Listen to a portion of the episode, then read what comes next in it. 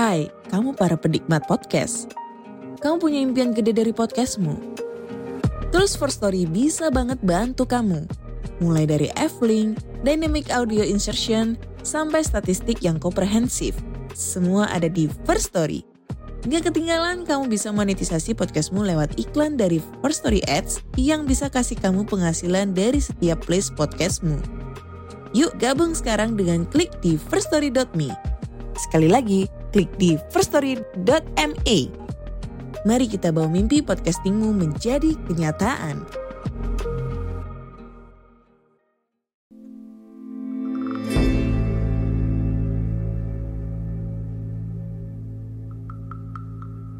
Assalamualaikum warahmatullahi wabarakatuh. Jumpa lagi di Nyeritain Horor Podcast. Seperti biasa, pada kesempatan kali ini aku akan menceritakan kisah horor yang sudah dikirimkan oleh teman-teman kita. Dan tentunya, setiap kisahnya akan membuat bulu kuduk merinding.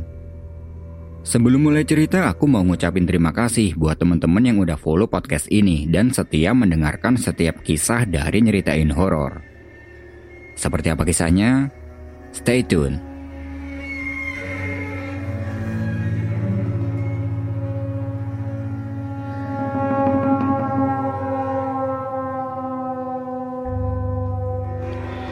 Awal cerita, waktu itu Gofar dan satu temannya ini membuat agenda mendaki gunung, tapi masih belum tahu gunung mana yang akan didaki.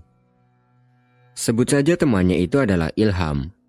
Tujuan mendaki ini hanya untuk mengisi waktu weekend. Gofar memberi usul, bagaimana kalau mendaki ke Gunung Penanggungan saja? Tapi Ilham kurang setuju, karena gunung itu sudah terlalu sering mereka daki, alias sudah bosan. Nah, di sini Ilham kasih saran, bagaimana kalau mendaki ke Gunung Kelut saja? Soalnya, sebelumnya mereka belum pernah mendaki ke sana. Pernah sih ke Gunung Kelut, tapi itu bukan mendaki, melainkan berwisata alam. Jadi Gunung Kelut ini ada dua pilihan. Kalau mau berwisata, bisa melalui jalur wisata. Tapi kalau mau pendakian juga bisa, dan itu beda jalur. Jalur pendakian sendiri, jalur wisata sendiri. Gofar setuju saja. Dia kasih pengumuman ke teman-temannya, barangkali ada yang berminat ikut. Dan ada tiga orang yang merespon mau ikut. Oke lah, pendakian ke Gunung Kelut sudah fix, dan dia memutuskan mendaki ke sana via Tulung Rejo Blitar. Semua peralatan sudah disiapkan. Beberapa hari sebelum hari keberangkatan, tenda, matras, dan semuanya yang kotor dia cuci. Singkat cerita, tibalah waktunya mereka berangkat. Waktu itu kalau tidak salah bulan 10 tahun 2019. Mereka janjian bertemu sama teman-temannya di suatu daerah. Gofar dan Ilham berangkat bareng dan sekitar jam 7 malam semuanya sudah pada berkumpul. Logistik dan peralatan mereka bagi rata dan setelah semuanya sudah dirasa fix, mereka langsung cabut menuju ke tempat tujuan. Oh iya, mereka semua ini bertempat tinggal di daerah Blitar sendiri. Mereka ada lima orang, yang di antaranya adalah Gofar, Ilham, Ucup, Aziz, dan Fikri. Setelah menempuh sekitar satu jam perjalanan, sampailah mereka di base camp pendakian Gunung Kelut via Tulung Rejo. Sesampai di sana mereka langsung datang ke pos perizinan. Setelah itu, mereka istirahat sebentar dan perjalanan dimulai sekitar jam 9 malam. Jalan menuju ke pos 1 masih dibilang enak karena masih berupa aspal dan tidak begitu menanjak. Setelah mendekati pos 1, barulah jalur mulai menanjak dan menyempit. Singkat cerita, sampailah mereka di pos 1. Di sini mereka istirahat dulu untuk mempersiapkan tenaga karena setelah ini jalur sudah mulai masuk ke hutan dan menanjak. Sambil istirahat, mereka berunding nanti mau camp di mana. Dan Gofar memberi saran untuk camp di pos 3 saja, biar besoknya enak kalau mau ke puncak. Sekitar 15 menit istirahat, perjalanan kembali dilanjutkan. Nah, ini nih. Kebiasaannya Gofar kalau mendaki gunung itu suka menyendiri. Dia berjalan di paling belakang sambil merokok. Alasan dia menyendiri karena dia tidak mau asap rokoknya ini mengganggu teman-temannya. Karena di antara mereka berlima, cuman Gofar yang seorang perokok. Mereka terus saja jalan, dan di tengah-tengah perjalanan menuju ke pos 2, mereka sempat istirahat di pinggir jalur karena capek. Sambil istirahat, mereka ngobrol-ngobrol membahas keadaan hutan Gunung Kelut ini. Di sini Gofar menyalakan rokok lagi. Dan tidak lama kemudian, teman-temannya mengajak lanjut berjalan. Gimana Far? Lanjut jalan lagi kita? Oke, kalian duluan aja. Aku ngabisin rokok dulu. Teman-temannya lanjut jalan lagi dan meninggalkan Gofar di situ. Gak ada rasa khawatir atau yang lain, karena ini memang sudah kebiasaannya Gofar. Yang lain pada lanjut jalan, dan si Gofar masih asik menikmati rokok. Ketika yang lain sudah jalan cukup jauh, tiba-tiba Gofar merasa seperti ada sesuatu dari belakang yang sedang mendekat ke arahnya. Pelan-pelan, dia nengok ke belakang, tapi di belakangnya ini tidak ada apa-apa dan gelap. Dia menyorotkan senternya. Yang terlihat hanyalah hutan. Dia lanjut menghabiskan rokoknya, dan dia merasakan lagi hal yang sama. Jadi di belakangnya ini seperti ada orang yang sedang jalan mendekat. Gak tahu orang atau apa. Gofar mulai takut. Takutnya ada hewan buas atau bagaimana. Rokok dia matiin, dan dia langsung jalan menyusul teman-temannya. Beberapa meter berjalan di depan terlihat ada beberapa cahaya senter yang sedang jalan naik. Anak-anak kok baru sampai di situ? Perasaan tadi mereka udah jalan lama loh. Batin Gofar. Dia mempercepat jalannya untuk menyusul cahaya senter itu yang dikira teman-temannya. Tapi sudah jalan begitu cepat, dia tidak juga sampai di teman-temannya itu. Dia berhenti karena capek, dan ketika berhenti itu, dia masih bisa melihat sorot senter dari teman-temannya. Di sini Gofar berpikir, itu anak-anak lagi berhenti juga apa gimana sih? Dia lanjut berjalan lagi untuk menyusul teman-temannya. Tapi, kejadian yang sama terulang lagi. Secepat-cepatnya dia berjalan, tetap saja dia tidak bisa sampai di sorot senter itu. Semakin dikejar, sorot senter itu semakin menjauh, dan kalau dia berhenti, sorot senter itu juga berhenti. Gofar berhenti lagi untuk yang kesekian kalinya. Dan ketika sedang berhenti, dia melihat keadaan sekitar. Loh, ini kan tempat yang tadi. Batinnya. Tahu nggak tempat yang mana? Tempat dia dan teman-temannya tadi berhenti. Gofar masih tidak yakin dia melihat lagi tempat ini. Dan ternyata tidak salah. Ini tempat memang tempat yang tadi. Dan dia ingat betul. Gofar bingung. Ini gimana sih? Perasaan tadi aku udah jalan lama banget loh. Tapi kok bisa sampai di sini lagi? Dia melihat sorot senter yang ada di depannya itu. Tapi sekarang sudah tidak ada. Lalu, tanpa sengaja pandangan Gofar tertuju ke arah hutan, yang di sana ada dua buah cahaya merah yang bersinar. Letaknya ada di atas pohon, jadi tinggi banget gitu. Sama Gofar disorot pakai senter, tapi senternya Gofar ini tidak sampai ke dua buah cahaya merah itu. Ah, ini pasti penghuni hutan nih. Pikir Gofar. Dia langsung meninggalkan tempat itu dan berjalan naik. Kali ini, dia jalan sambil mengingat-ingat jalurnya. Dan tidak lama kemudian, dari atas terlihat ada dua buah cahaya senter yang sedang jalan turun. Dan ternyata, itu adalah Ilham dan Aziz. Loh Far, kok lama banget? Ada masalah? Tanya Ilham. Gofar diam sejenak. Eh, enggak kok. Tadi keasikan istirahat aja. Jawab Gofar menyembunyikan keanehan yang dia rasakan tadi. Kalian kok balik turun? Mana yang lain? Udah di pos 2. Kita nungguin kamu lama banget. Makanya aku sama Aziz balik turun. Walah, tenang aja. Aku nggak apa-apa kok. Yaudah, ayo naik lagi. Mereka naik lagi, hingga sampailah mereka di pos 2. Di sana sudah ada Fikri dan Ucup yang sedang bikin kopi. Kenapa, Far? Lama banget. Biasa, merenung dulu tadi. Alasan si Gofar. Merenung itu maksudnya adalah BAB. Sampai di sini, Gofar masih menyembunyikan apa yang dia alami tadi. Di pos 2 itu mereka istirahat dan minum kopi. Mengingat hari sudah malam, mereka berunding lagi. Mau camp di sini saja apa lanjut ke pos 3. Dan Gofar tetap mengajak mereka untuk lanjut ke pos 3. Singkat cerita, sampailah mereka di pos 3 kurang lebih pukul 12 malam.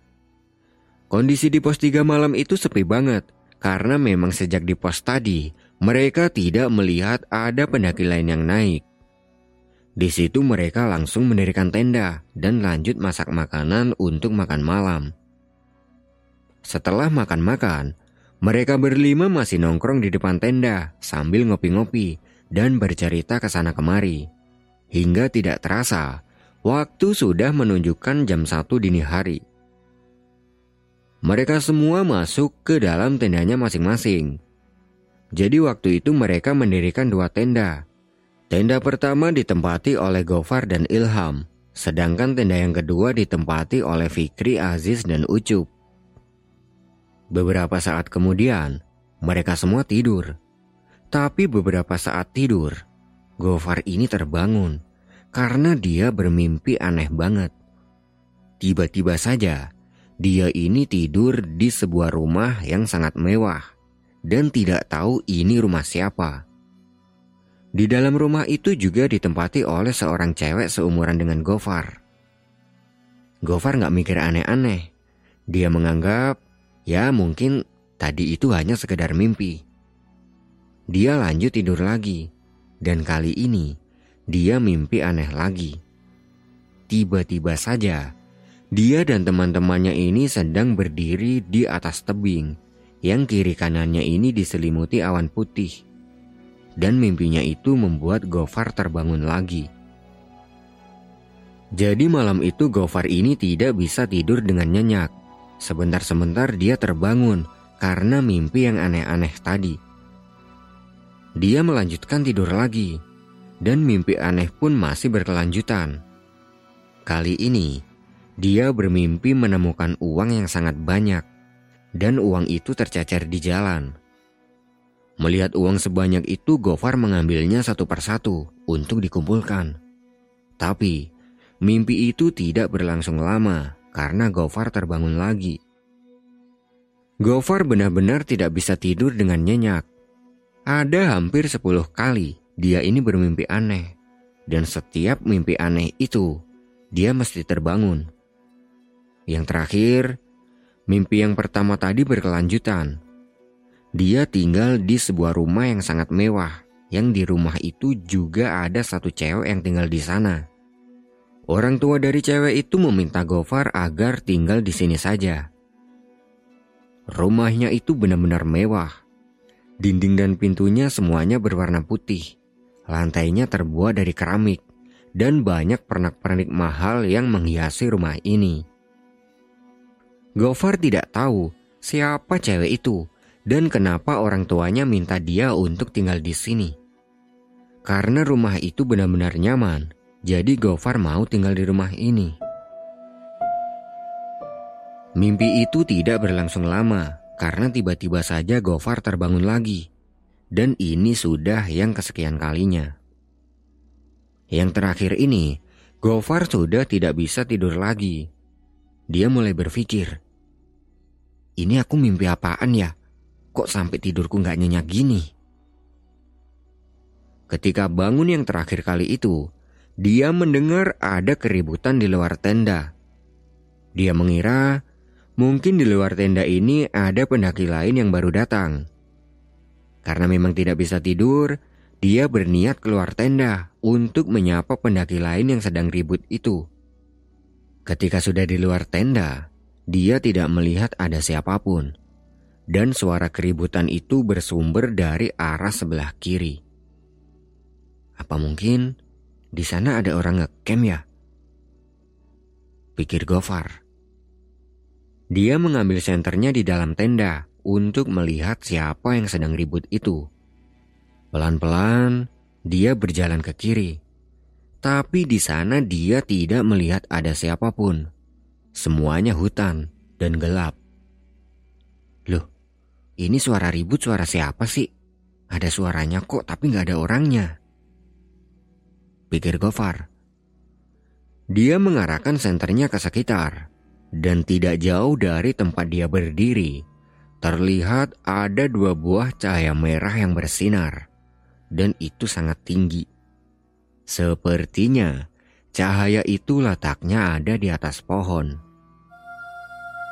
Gofar menyorotkan senternya ke kedua buah cahaya itu, tapi senternya ini tidak sampai ke atas dia menyorotkan senternya dari bawah pohon, dan di situ dia melihat ada sebuah kain putih yang kotor banget.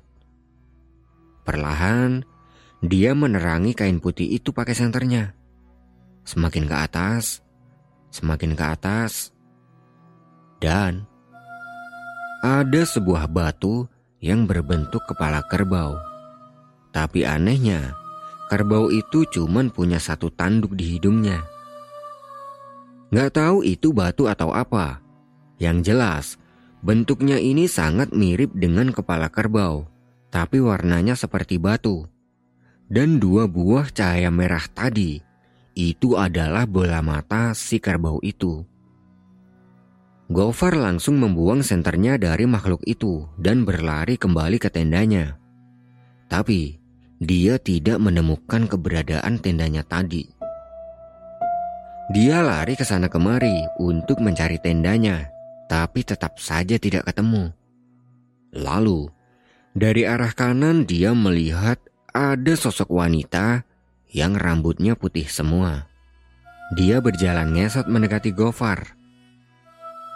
Gofar langsung lari terbirit-birit, dan pada saat berlari itu, dia tersandung akar pohon sampai terjatuh. Lalu tiba-tiba dia bangun dan ternyata itu tadi juga mimpi. Tapi mimpi yang terakhir kali itu terasa sangat nyata karena tempat kejadiannya juga di sini. Bangun-bangun, Gofar merasa kedinginan hebat. Kepalanya pusing dan yang bisa dia lakukan hanya menggigil. Mendengar Gofar menggigil, Ilham langsung bangun dan juga membangunkan teman-temannya. Semua teman-temannya pada panik dengan keadaan Gofar. Seringkali, Ilham mengajak Gofar untuk berkomunikasi, tapi Gofar cuma bisa mendengar dan tidak bisa menjawab. Semakin lama, dingin yang dirasakan Gofar perlahan membaik dan dia sudah bisa sedikit berkomunikasi dengan teman-temannya. Far, kamu kenapa Far? Gak tahu nih bro, tiba-tiba dingin banget. Masuk angin mungkin. Iya mungkin, tapi sekarang udah enakan kok. Ya udah nih, minum jahe dulu biar anget. Gofar minum beberapa teguk jahe yang dibuatkan Aziz. Dan semakin lama, Gofar semakin membaik dan saat itu sudah pagi. Gimana Far? Mau lanjut ke puncak apa enggak nih? Lanjut aja, nanggung udah sampai di sini. Kondisimu gimana? Ntar ambruk di jalan. Enggak, santai aja. Aku udah baikan kok. Akhirnya, mereka memutuskan untuk lanjut jalan ke puncak. Dan pagi itu Gofar ini sudah benar-benar pulih. Seakan-akan dia tidak pernah mengalami sakit yang tadi. Nah, ini aneh. apa yang sebenarnya terjadi sama Gofar semalam. Sampai-sampai dia ini merasa kedinginan hebat. Di perjalanan menuju ke puncak, Gofar mengingat-ingat satu persatu mimpinya semalam. Dan dia juga bertanya pada teman-temannya, apakah ada pendaki lain yang camp di pos 3? Kata teman-temannya nggak ada. Sejak tadi malam, yang ada di pos 3 itu cuma rombongan mereka doang. Akhirnya ya sudahlah, Gofar melupakan semua itu dan fokus dengan jalan yang dilewatinya. Perjalanan menuju ke puncak ini sangat berat. Selain rumput ilalang yang sangat rapat menghalangi jalan, mereka juga harus melewati jalan yang bebatuan dan sangat menanjak. Singkat cerita, sampailah mereka di puncak Gunung Kelut, dan kondisi puncak saat itu sepi banget. Hanya ada rombongan mereka saja.